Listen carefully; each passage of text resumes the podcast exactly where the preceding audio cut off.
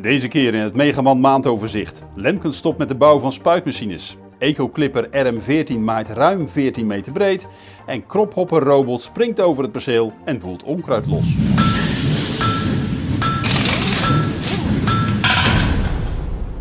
De Duitse machinebouwer Lemken stopt met het bouwen van conventionele veldspuiten.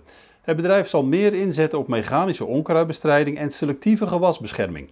Vooral de steeds hoger wordende wettelijke eisen zorgen ervoor dat Lemke de keuze maakt om te stoppen met de ontwikkeling en de bouw van de conventionele veldspuiten.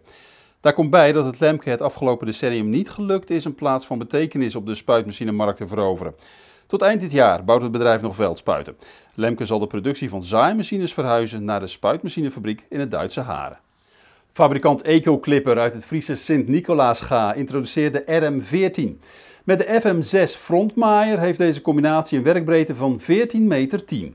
De maaicombinatie werkt volledig elektrisch. De FM6 frontmaaier maait 6,15 meter breed. In de achterhef hangt de RM14 maaier met twee dekken van 4,11 meter werkbreedte. Doordat beide dekken kunnen uitschuiven, neemt de totale werkbreedte toe tot 14,10 meter. Zowel de front als de achtermaaier hebben een eigen generator die de elektriciteit opwekken die nodig is om de messen aan te drijven. Volgens fabrikant kun je maaien bij een rijsnelheid tot 25 km per uur. Voor deze maaicombinatie is minimaal een trekker nodig van 102,7 kW, dat is 140 pk. De eerste Eco-Clipper RM14 is inmiddels afgeleverd en draait bij een grasszodekweker in Duitsland. Ondanks dat de coronamaatregelen versoepeld zijn, worden nog veel vakbeurzen geannuleerd. Door Agrotechniek Holland, EIMA en Libramon werd al eerder een streep gezet. En aan dat lijstje kunnen nu ook onder meer Galabouw, Eurotier en Potato Europe worden toegevoegd.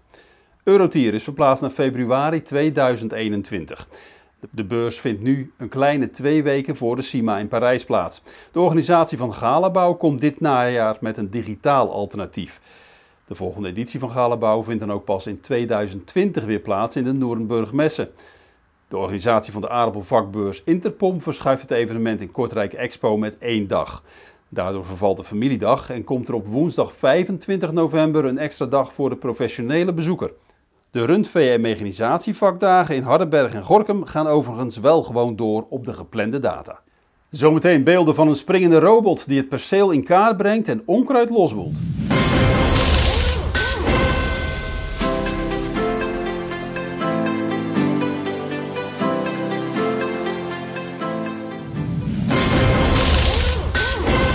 In juli 2019 vroeg het Duitse Rabe faillissement aan.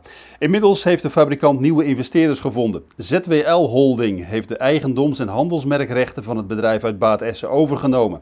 Het startte begin juni de productie van de machines weer op. De Nederlandse trekkerverkoop heeft in april zwaar te verduren gehad. Er werden 218 exemplaren verkocht. Vorig jaar was het verkoopaantal in april nog 317. Met het huidige totaal is 2020 tot nu toe het slechtste verkoopjaar sinds 2009. De diesel-elektrische trekker die de machinefabrikant H2-Trak uit Arnhem bouwt, moet zaterdag 10 oktober klaar zijn. Dat zegt Paul van Ham in de podcastserie In Productie. Zodra de diesel-elektrische trekker af is, start H2-Trak met de ontwikkeling van een waterstoftrekker. En dan nog dit. Het Britse bedrijf HBC heeft de krophopper ontwikkeld. Deze onkruidrobot springt over het veld met behulp van een boog van koolstofvezel. Een elektrisch wikkelmechanisme spant twee flexibele armen. Zodra de boog wordt losgelaten, springen de armen terug in de oorspronkelijke positie en schiet de 3 kilo wegende krophopper de lucht in. Halverwege de sprong helpen vier propellers de springafstand te vergroten. Tegelijkertijd verzachten ze ook de landing.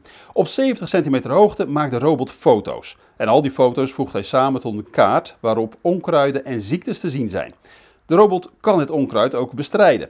Een mechanische arm woelt de plant dan los. De krophopper zou zo 70 hectare per dag kunnen afwerken.